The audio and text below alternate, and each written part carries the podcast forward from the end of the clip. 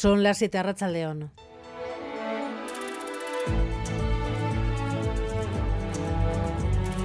Gambara con Arancha García.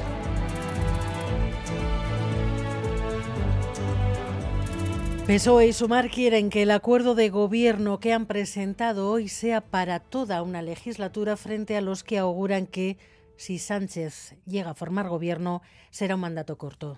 El PSOE y Sumar firmamos un acuerdo de gobierno con la voluntad de ofrecer eso a los españoles. Primero, estabilidad. Segundo, convivencia y tercero, progreso a España para los próximos cuatro años. La medida estrella, la rebaja de la jornada laboral de primeras a las 37 horas y media, ir más allá hasta las 35, dependerá de la negociación con sindicatos y empresarios. Y la COE ya lo califica de atropello en Gámbara. Vamos a ver qué dicen los expertos, pero el programa tiene además un amplio catálogo con medidas en política fiscal, también en vivienda, sanidad, Nerea Sarriegui. Sí, el acuerdo recoge 230 medidas con un marcado carácter social que de momento son más compromisos que concreciones y se plantean dudas sobre cómo implementarán varias de las propuestas que hoy están en manos de las comunidades autónomas, como reducir las listas de espera en la sanidad o aumentar los permisos para cuidar. Y una incógnita más, si esta vez sí habrá cambios en la ley Mordaza. Hace cuatro años se comprometieron a sustituirla por una nueva, ahora hablan de reformar los aspectos que limiten la libertad de expresión. Es el movimiento más concreto hacia la investidura, pero aún queda conseguir apoyos y ahí las cosas siguen como estaban, con una presión añadida además esta misma tarde. El Consell de la República le dice a Puigdemont que no vote a Sánchez, que bloquee la investidura.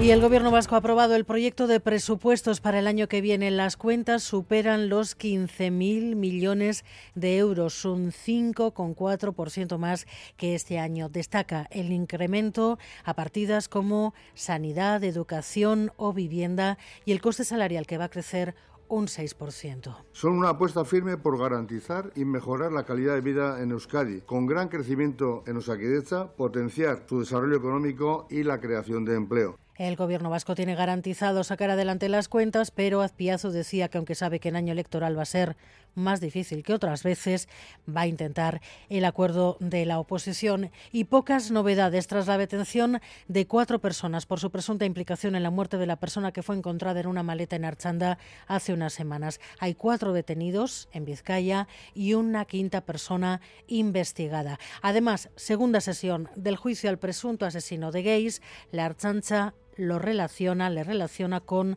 siete muertes y dos tentativas de homicidio y siguen investigando. El sospechoso eh, manejaba dinero, manejaba tarjetas, vendía objetos personales de las diferentes víctimas. Siempre él aparecía además como receptor en sus cuentas o aparecía nominalmente eh, como vendedor de pertenencias o incluso hemos llegado a ver en diferentes imágenes de cajeros cómo él sacaba dinero con tarjetas de fallecidos. Entonces, bueno, pues eh, a la vista de la posibilidad de un autor serial, se nos adjudicó el 29 de abril la, investigación. No ha quedado claro, no, no le ha dicho cuántos de estos casos eh, hacían el grupo. ¿Puede darnos un número concreto si lo sabe? En aquel momento creo que estábamos hablando de cinco y con el paso del tiempo eh, hemos relacionado, ahora mismo tendríamos siete homicidios y dos tentativas. Y ni pausa humanitaria, ni alto el fuego, Israel ha matado hoy a más de 700 personas en Gaza, 700 muertos solo en un día, según Hamas. Y el viento está causando bastantes problemas en el aeropuerto de Loyo durante toda la tarde, una docena de vuelos afectados. ¿Cómo están las cosas por ahí, Eder Menchaca, Racha León? A Rachaldeón sí, lo dices, la tarde está siendo complicada para el tráfico aéreo. A esta hora ascienden a 15 los vuelos que se han visto afectados, entre tanto retrasos, también vuelos cancelados, como el que debía volar a Palma de Mallorca o el que llegaría desde Frankfurt, que ha sido desviado a Toulouse y, como decimos, cancelado. Son algunas de esas operaciones afectadas tanto en salidas como en llegadas. En la terminal los pasajeros esperan actualizaciones, mientras tanto quienes se han visto afectados, muchos indignados, hacen cola, largas colas, lo estamos viendo, para reclamar y son ya realojados o los están siendo para poder volar lo antes posible. Les escuchamos Volábamos a Mallorca y se ha cancelado y la solución que nos pueden dar es mañana volar a las 10 de la noche. Sí que nos afecta, sí, eh, perderemos un día de trabajo. Irnos a casa a Ginebra y coger un tren para ir a Neuchâtel en Suiza. Nos hemos resuelto la vida nosotros solos, solitos pagando de nuestro bolsillo. Y nos dan la opción de irnos a un hotel y tener el vuelo mañana por la noche, a las 10 de la noche. Nos afecta a todo porque mañana por la mañana nosotros trabajábamos. Somos autónomos, hemos tenido que cambiar toda la agenda que nosotros teníamos se calcula que han podido ser 2.000 pasajeros afectados, al menos algunos aviones han logrado aterrizar, otros no, está siendo difícil debido a las condiciones meteorológicas, están siendo fuertes rachas de viento las que se están registrando. Por ello Euskalmet ha activado el aviso amarillo desde las 5 de esta tarde y seguirá activo hasta la medianoche. Bueno, pues aviso amarillo por viento que de momento lo acaban de escuchar ha afectado a 15 vuelos en el aeropuerto de Loyu. Vuelos, algunos no han podido aterrizar, otros se ven afectados por esos retrasos y cancelaciones.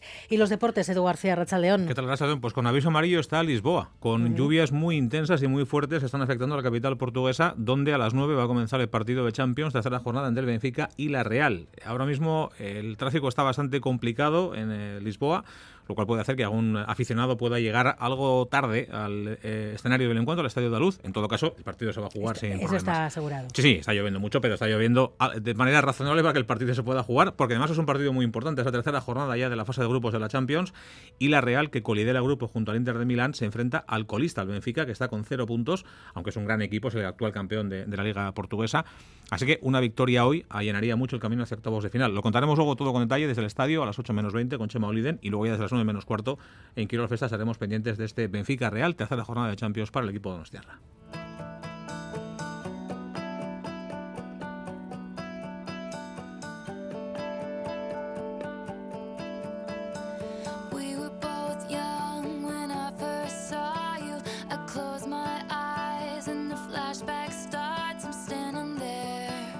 Sonrisas, abrazos, la presentación del acuerdo de gobierno entre PSOE y Sumar se puede contar también por las veces que Yolanda Díaz y Pedro Sánchez han intercambiado demostraciones de amistad. John Fernández Mur. Ha sido un acto el del Museo Reina Sofía con protagonismo para las sonrisas. Pedro y Yolanda Sánchez y Díaz comenzaban con dos besos y un abrazo. Hoy, querido presidente.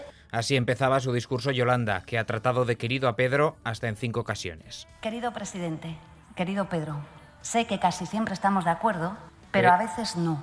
Pero se trata de algo mutuo. También es querida Yolanda para Pedro. Querida Yolanda, la paz social. Y entre ellos hay lugar también para las bromas. Es verdad, decía Yolanda, que hay muchas cosas en las que nos, eh, digamos, ponemos de acuerdo, otras no tanto. Eh, en las intervenciones no, o sea que yo poco menos que voy a repetir lo mismo que ha dicho Yolanda en su primera intervención. Pero Yolanda es así, ya lo sabemos, es querido para ella hasta el diálogo social. El querido diálogo social. Primero ha hablado Yolanda, luego Pedro. Tiene la palabra, querido Pedro. A lo que seguían otro abrazo y dos besos. Son buenos amigos, Presi y Vice. Lo ha dicho también la Vice, pero me parece que es muy importante. Pedro y Yolanda, que quieren seguir gobernando cuatro años más. Querido presidente, vamos a por más.